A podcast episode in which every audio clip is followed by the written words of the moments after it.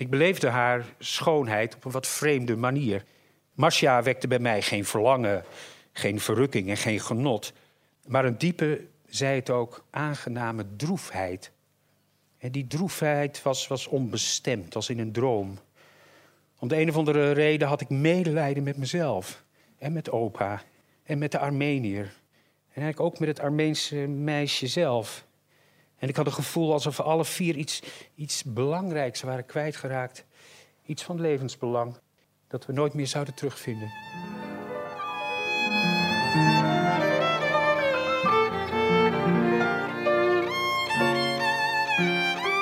Dit is de 23e aflevering van de podcastserie Uitgelezen Verhalen Literatuur ontmoet theater. Ik grijp in deze reeks al voor de derde keer terug op de keizer van het korte verhaal Anton Tjechov.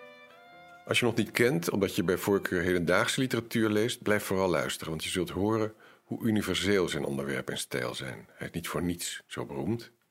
En als je hem al waardeert, je gaat een waarschijnlijk autobiografisch verhaal van de keizer beluisteren. Mijn naam is Pieter van Scherpenberg, samensteller van het theaterprogramma van Uitgelezen Verhalen en je gastheer in deze podcast. Je krijgt een live in het theater opgenomen verhaal te horen, verteld door de geweldige acteur Marcel Faber, die al vijf keer meedeed aan onze avonden. Normaal hoor je in deze podcast nog een nagesprek, maar dat is tijdelijk wegbezuinigd. Vanaf maart 2021 is dat onderdeel weer terug. We hebben dan een nagesprek met Jan Brokke over de verhalen van Jean Rees. Voor je het verhaal gaat horen, doe ik toch nog even direct een beroep op jou, luisteraar. Laat weten wat je van onze podcast vindt of van deze aflevering door sterren uit te delen of een besprekingje te schrijven. En doe dat op het platform onafhankelijke website voor podcast waar luisteraars en makers elkaar vinden, podchaser.com. Dat is een soort internet movies database voor dit medium. We zetten een link naar die site in de shownotities om het je makkelijker te maken. Natuurlijk, sterren uitdelen in Apple Podcast maakt ons ook blij en beter vindbaar, maar het grootste deel van jullie gebruikt je app helemaal niet. Vandaar Podchaser. Je kunt nog een flinke stap verder gaan in je steun en bewondering voor deze podcast door die in geld uit te drukken. We hebben een pagina op petje.af waar je kunt doneren. Dus ga na afloop naar petje.af schrap UV van uitgelezen verhalen. Ook die link zetten we in de shownotities. Anton Pavlovich Tsjechov heeft ondanks zijn korte leven, hij overleed op 44-jarige leeftijd in 1904, een zeer productief schrijverschap gehad met bijna 300 verhalen, een novelle, zeven toneelstukken en negen eenakters. Daarnaast was hij ook huisarts die armlastige patiënten gratis hielp.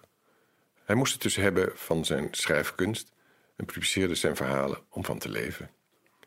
Bijna twee jaar geleden had ik voor deze podcast een interview met Wouter van Oorschot, ex-directeur van uitgeverij van Oorschot, waar alle literatuur van Tsjechov is uitgegeven in de beroemde Russische bibliotheek en in recente vertalingen. Het interview is te beluisteren in aflevering 7, terug te vinden in je podcast-app. Hij vertelde toen dat het verhaal dat je zo gaat horen waarschijnlijk een van de weinige autobiografisch is uit het oeuvre. Het is uitzonderlijk in de ik-vorm geschreven en beschrijft twee momenten uit dus vermoedelijk het echte leven van de schrijver. Het eerste deel als 17-jarige gymnasiast op pad met zijn opa in zijn geboortestreek die nu Oblast Rostov heet en grenst aan Oost-Oekraïne. Het tweede deel van het verhaal speelt later, tijdens een treinreis die hij alleen maakte. In beide vertellingen bewondert de ik-figuur vrouwelijk schoon in de kenmerkende weemoedig verlangende stijl van onze keizer. Acteur Marcel Faber is zoals gezegd een trouwe voordrachtsvriend van uitgelezen verhalen. Een jaar geleden liet ik je in deze podcast al zijn vertolking van het spannende verhaal De Misthoorn horen van Ray Bradbury. Dat was in aflevering 15 en die tip ik je hierbij als je geniet van zijn stem en zin hebt in een spannend verhaal. Liefhebbers van goed tv-drama herinneren zich vast het quasi-kookprogramma Moena's Keuken uit 2016 op tv, waarin Marcel Faber de hypochondische huisvader speelde. Hij las ook lang op de radio gedichten voor in vers op 5.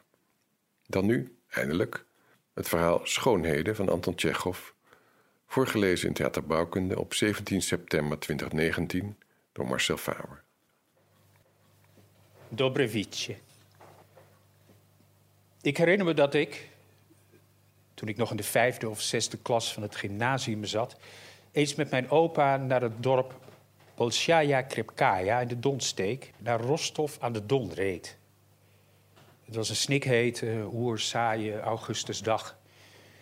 Door de warmte, de droge, gloeiende wind en de stofwolk die ons tegemoet joeg, plakte je ogen dicht en droogde je mond uit. Ik wilde niet kijken, niet praten, niet denken. En toen de slaperige voerman, de Oekraïner Karpo, met zijn knoet naar het paard uithaalde en tegen mijn pet zwiepte, protesteerde ik niet. Ik gaf geen kik, ik keek alleen maar. Beetje opgeschrikt uit mijn halfslaap, somber en deemoedig in de verte. Was daar door het stof heen geen dorpje te zien? Om de paarden te voederen hielden we halt in het grote Armeense dorp Salak bij een rijke Armenier die opa kende. Nooit van mijn leven had ik iets karikaturalers gezien dan deze Armenier. Stellen u een klein, kort geknipt hoofdje voor met borstelige, ver overhangende wenkbrauwen, een vogelneus, een lange grijze snor en een brede mond, waaruit een lange kersenhouten pijpensteel hangt. Dat hoofdje zit onhandig vastgeplakt aan een magere, gebogen romp die in een fantastisch kostuum is gestoken. Een kort rood jasje en een wijde, lichtblauwe pofbroek. Lopen deed die figuur wijdbeens en met zijn sloffen schuifelend. Hij sprak zonder de pijpensteel uit zijn mond te nemen en hij gedroeg zich met zuiver Armeense waardigheid. Hij glimlachte niet, sperde zijn ogen wijd open en probeerde aan zijn gasten zo weinig mogelijk aandacht te besteden. Bij de Armeniër thuis was geen wind en stof, maar het was er even onaangenaam benauwd en saai als in de steppen en langs de weg. Ik herinner me dat ik bestoft en afgemat door de hitte in een hoek op grijze kist zat. De ongeverfde houten wanden, de meubels en de met oker bewerkte vloeren verspreidden de geur van droog, zongeschroet hout.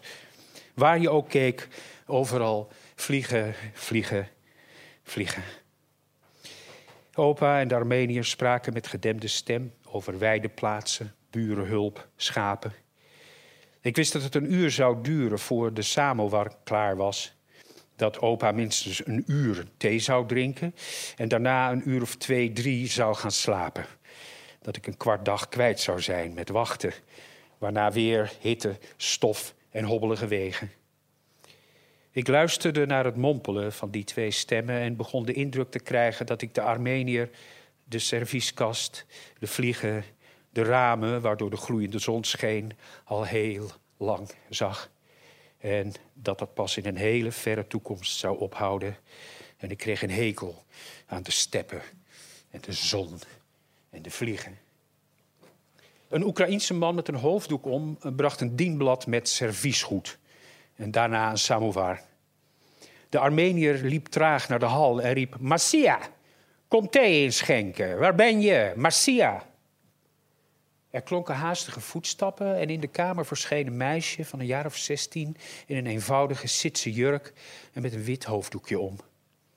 Terwijl zij serviesgoed afwaste en thee inschonk, stond ze met haar rug naar me toe. En ik zag alleen dat ze een slanke taille had en blote voeten en dat haar kleine naakte hielen bedekt werden door lange broekspijpen. De gastheer noodde me aan de thee toen ik aan tafel ging zitten, keek ik naar het gezicht van het meisje dat me een glas gaf. En plotseling was het alsof er een wind langs mijn ziel woei. En er alle indrukken van de dag met hun saaiheid en stof van afblies. Ik zag de betoverende trekken van het mooiste gezicht dat ik ooit wakend of dromend had gezien. Voor me stond een schoonheid en ik begreep dat in één oogopslag, zoals ik de bliksem begrijp. Ik durf te zweren dat Marcia, of zoals haar vader haar noemde, Marcia, een echte schoonheid was, maar bewijzen kan ik het niet. Soms gebeurde dat wolken zich ordeloos verdringen aan de horizon en dat de zon die erachter schuilt goud, lila, roze kleurt. Het ene wolkje lijkt op een monnik, de andere op een vis, een derde op een Turk met een tulband op. De gloed vult een derde van de hemel blinkt in het kruis op de kerk en de ramen van het herenhuis, wordt weerkaatst in de rivier en de plassen, beeft op bomen.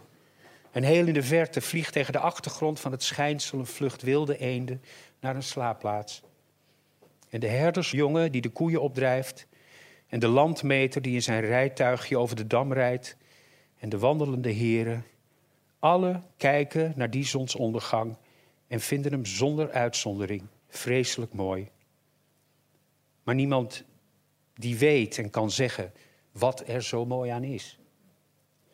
Ik was niet de enige die het Armeense meisje mooi vond. Mijn opa, een grijsaard van 80, een stroeve man zonder gevoel voor vrouwen of natuurschoon, keek een volle minuut liefkozend naar Masha en vroeg: eh, Is dat uw uh, dochtertje, Avet Nazaric? Ja, dat, uh, dat is mijn dochtertje, antwoordde de gastheer. Een knappe dame, prees opa.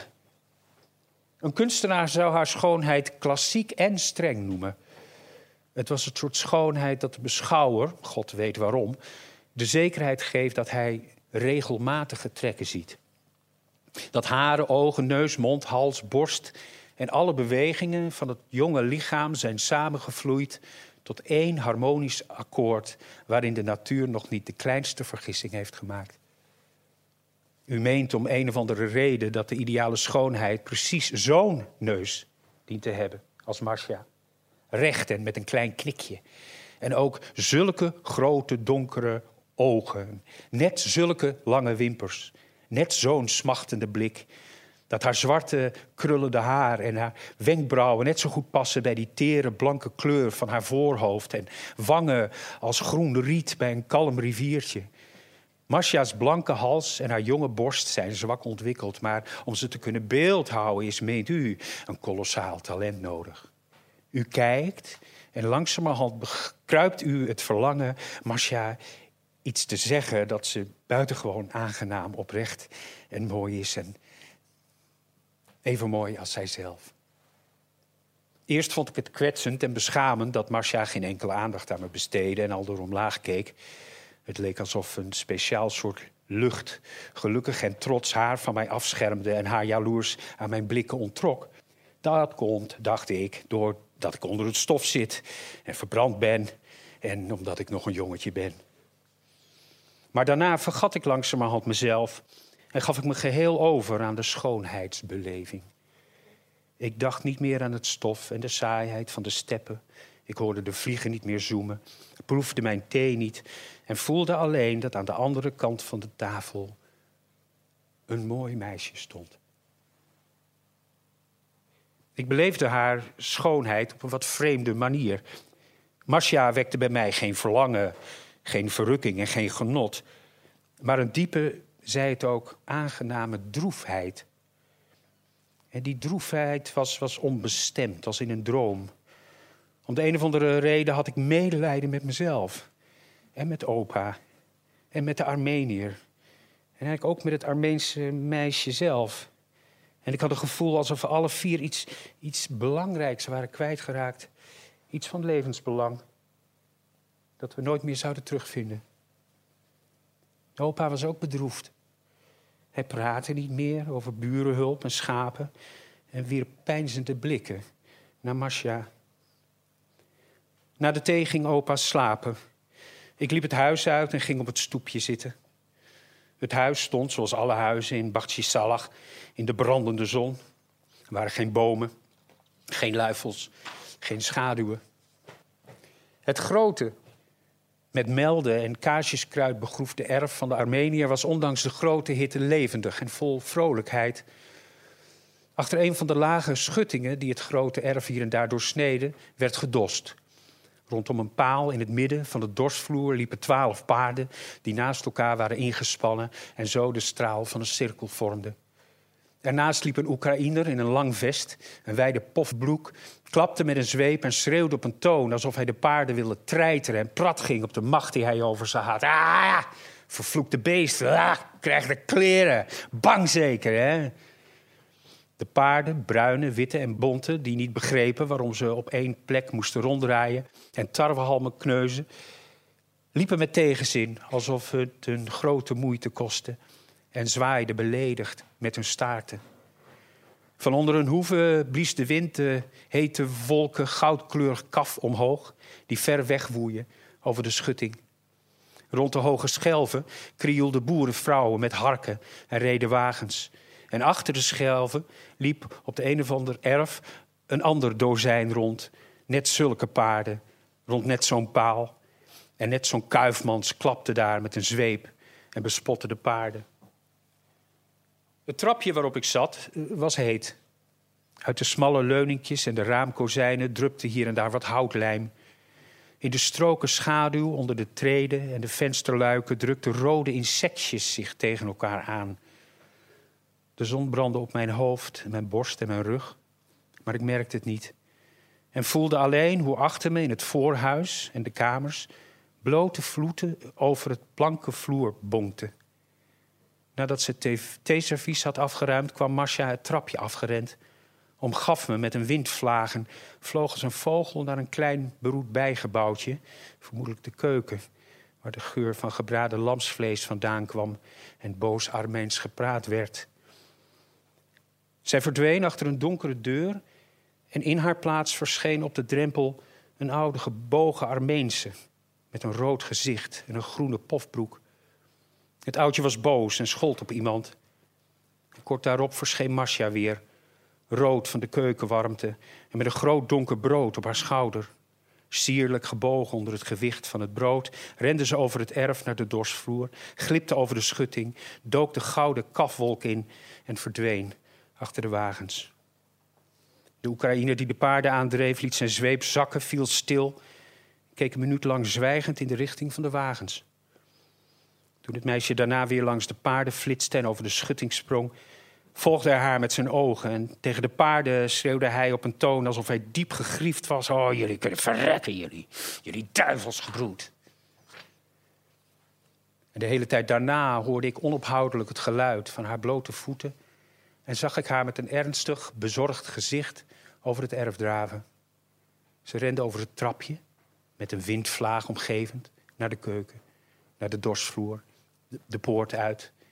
En ik kreeg nauwelijks mijn, de tijd mijn hoofd te draaien om haar na te kijken. En hoe vaker ze in al haar schoonheid voor mijn ogen opdook, des te dieper werd mijn droevenis. Ik had medelijden met mezelf en met haar. En met de kuifmans die haar telkens, wanneer ze door de kafwolk naar de wagens rende, bedroefd met zijn blik begeleidde. Of dat kwam doordat ik haar benijde om haar schoonheid. Of het betreurde dat dit meisje niet van mij was en dat nooit zou worden. En dat ik voor haar een vreemde bleef. Of vaag aanvoelde dat haar zeldzame schoonheid toevallig en, en, en nutteloos was. En zoals alles op aarde kortstondig. Of misschien doordat mijn droevenis datgene was wat een mens nu eenmaal voelt bij het aanschouwen van werkelijke schoonheid. God mag het weten. De drie uur wachten gingen ongemerkt voorbij. Voor mijn gevoel had ik Marcia nog niet goed bekeken of Carpo reed al naar de rivier, liet het paard baden en begon het in te spannen. Het natte paard brieste van plezier en sloeg met zijn hoeven tegen de dissel. Carpo schreeuwde: Achteruit, achteruit! Opa werd wakker Massia opende de knarsende poort. Wij stapten op de wagen en reden het erf af. We zwegen alsof we boos waren op elkaar. Toen na twee of drie uur in de verte Rostov en Nachtjevan opdoemde, keek Karpo, die al die tijd had gezwegen, vlug om en zei: Leuke meid heeft die uh, Armenen kop. En hij gaf het paard een mep. Een andere keer, toen ik als student was, ging ik eens met de trein naar het zuiden. Het was mei. Op een van de stations, ik geloof tussen Belgorod en Kharkov, stapte ik uit om op het perron mijn benen te strekken. Over het stationtuintje, het perron en de velden lag een avondelijke schaduw. Het stationsgebouw benam ons het zicht op de zonsondergang, maar aan het tere roze van de hoogste rookwolken uit de locomotief was te zien dat de zon nog niet helemaal weg was. Over het perron kuierend merkte ik dat de meeste wandelende passagiers zich ophielden in de buurt van een tweede klas wagon. En dat ze keken alsof daarin een of andere beroemdheid zat.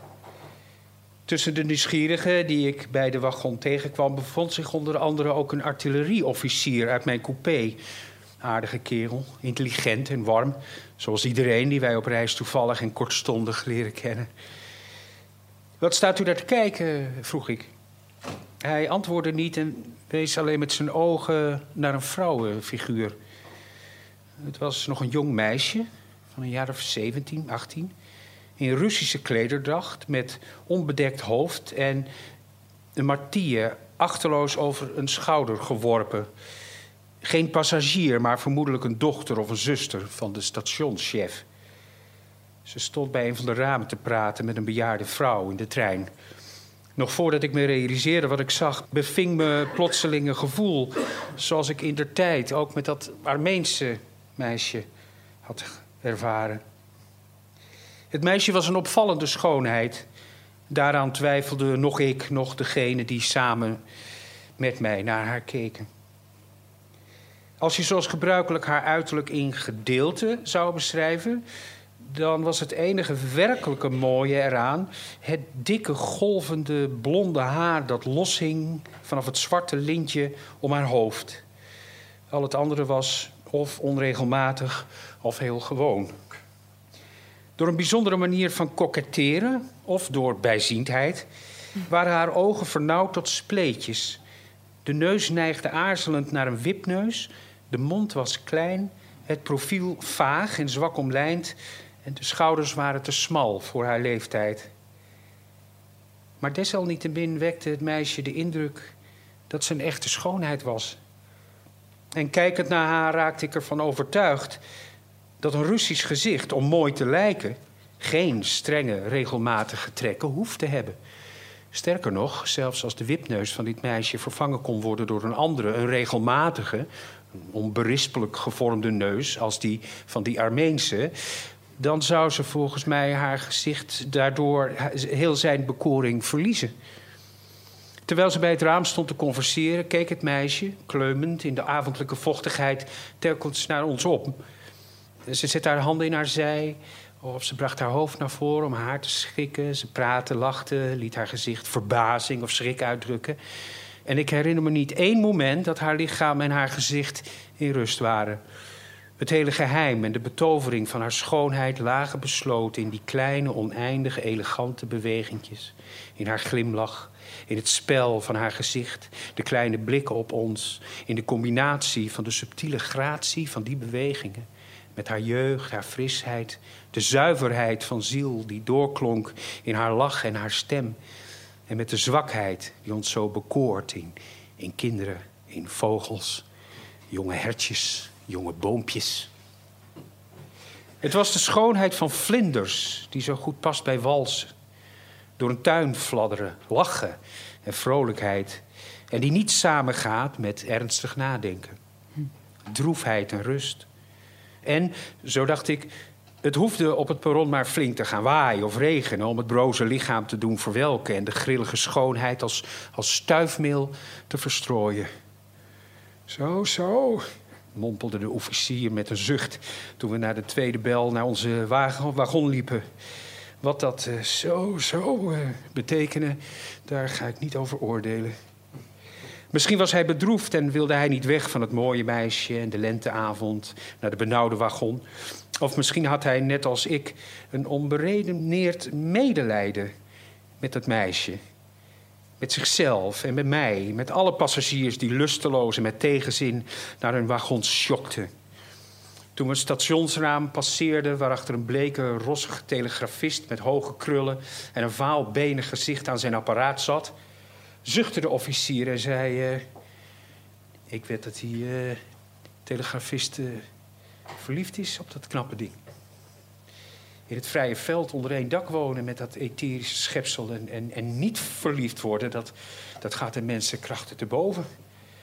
Ah, wat een ongeluk, mijn vriend. Wat een bespotting om zo krom, stugharig, grauw, fatsoenlijk en niet dom te zijn. En verliefd te worden op dat knappe en dommige meisje dat jou volstrekt negeert. Of, of, of nog erger, stel je voor dat die telegrafist verliefd is, maar ook getrouwd. En dat zijn vrouw net zo krom, stugharig en fatsoenlijk is als hij zelf. Een marteling. Bij onze wagon stond tegen het hekje van het balkon geleund een conducteur en keek in de richting van het mooie meisje. En zijn verlopen, pafferig en onaangenaam, weldoorvoede, door slapeloze nachten en treingeschommel afgematte gezicht drukte vertedering uit en allerdiepste droefheid. Alsof hij in het meisje zijn eigen jeugd, geluk, nuchterheid, zuiverheid, vrouw en kinderen zag. Alsof hij spijt had en met heel zijn wezen voelde dat dat meisje niet van hem was. En dat het gewone menselijke passagiersgeluk voor hem, met zijn voortijdige ouderdom, onhandigheid en vette gezicht, net zo ver weg was als de hemel. De derde bel ging. Er klonken fluitsignalen en de trein kwam loom in beweging. Voor onze ramen verscheen eerst de conducteur, toen de stationschef, de tuin, de schoonheid met haar wonderbaarlijke, kinderlijke, sluwe gezicht. Toen ik mijn hoofd uit het raam stak en achteruit keek, zag ik hoe zij, nadat ze de trein had nagestaard, het perron overliep langs het raam waar de telegrafist zat haar haren schikte en de tuin inrende. Het stationsgebouw benam ons niet meer het zicht op het westen. Het vrije veld lag open. Maar de zon was al onder en de rook legde zich in zwarte vlokken op het fluwelige groene winterkoren. De lentelucht had iets droevigs, net als de donkerende hemel en de trein. De conducteur van daarnet kwam met de wagon binnen en begon de kaarsen aan te steken. Dat was Schoonheden van Anton Tjechov, voorgelezen door Marcel Faber. Ik hoop dat je hebt genoten van deze podcast en ons blijft volgen.